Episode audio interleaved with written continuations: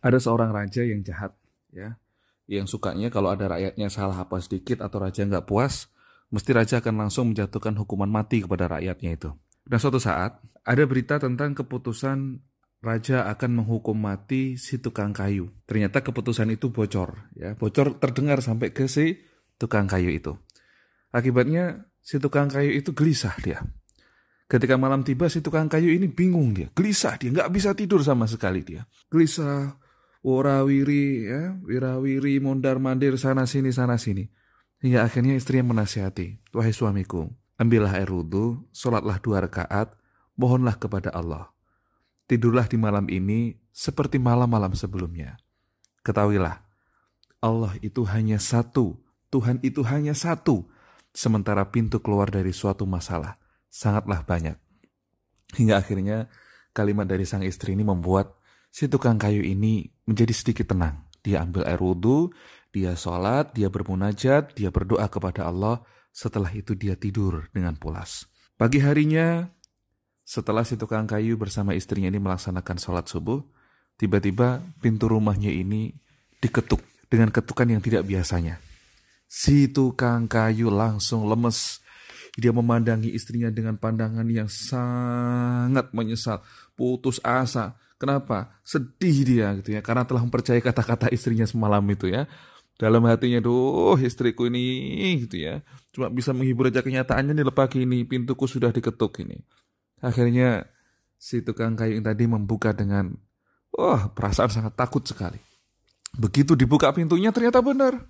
Yang datang adalah pengawal kerajaan. Langsung deh refleks si tukang kayu itu mengulurkan tangannya ke arah pengawal supaya diikat. Nah, para pengawalnya bingung. Eh, Ngapain? Tanganmu ngapain itu kamu ulurkan kamu berikan ke kita ngapain? Gitu. Eh ketahuilah, kami datang ke sini itu karena kami memberikan kabar bahwa raja telah mati. Raja telah wafat. Sekarang kamu diminta untuk membuatkan peti mati untuk baginda raja. Seketika itu, ya si tukang kayu itu ibaratnya itu kayak dia itu kehausan di tengah padang pasir, tiba-tiba langsung hujan salju gitu ya. Dia langsung melemparkan pandangan tanda mohon maaf ke arah istrinya. Istrinya pun tersenyum. Begitulah, kadangkala ya kita sebagai seorang hamba berpikir sampai letih tentang suatu masalah. Berpikir sampai capek ketika dapat masalah. Tanpa ingat Allah. Padahal Allah lah yang memiliki semua rencana dan aturan. Bayangkan kalau kita lihat ini tadi ya. Kita dengerin tadi cerita tentang si tukang kayu ini.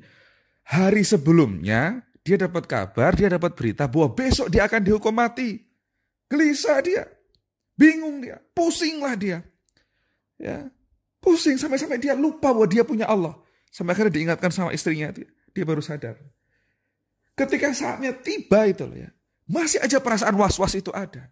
Tapi apa yang kita ya bisa ambil hikmahnya? Sehari sebelumnya si raja ini, ya raja yang jahat ini mau membunuh si tukang kayu. Tapi justru yang terjadi, ya si tukang kayunya selamat, raja yang membunuh ini malah mati.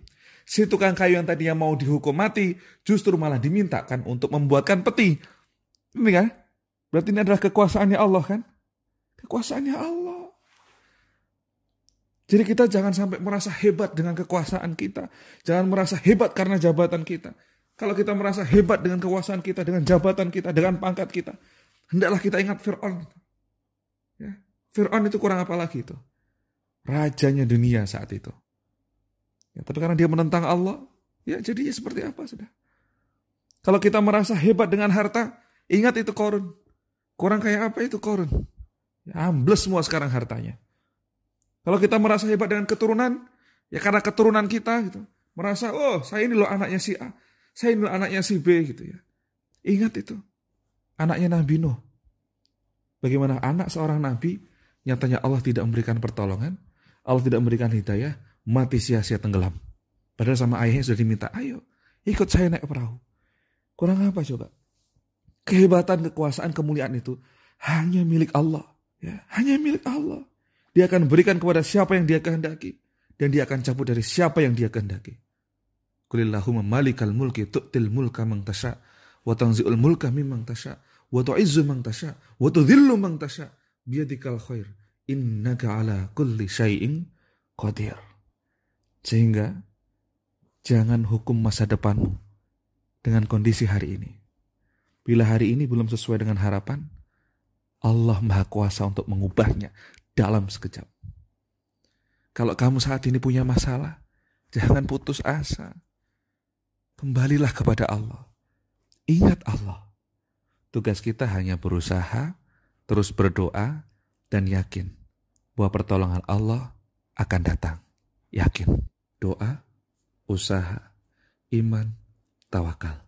Hasilnya itulah insya Allah yang terbaik untuk kita semuanya.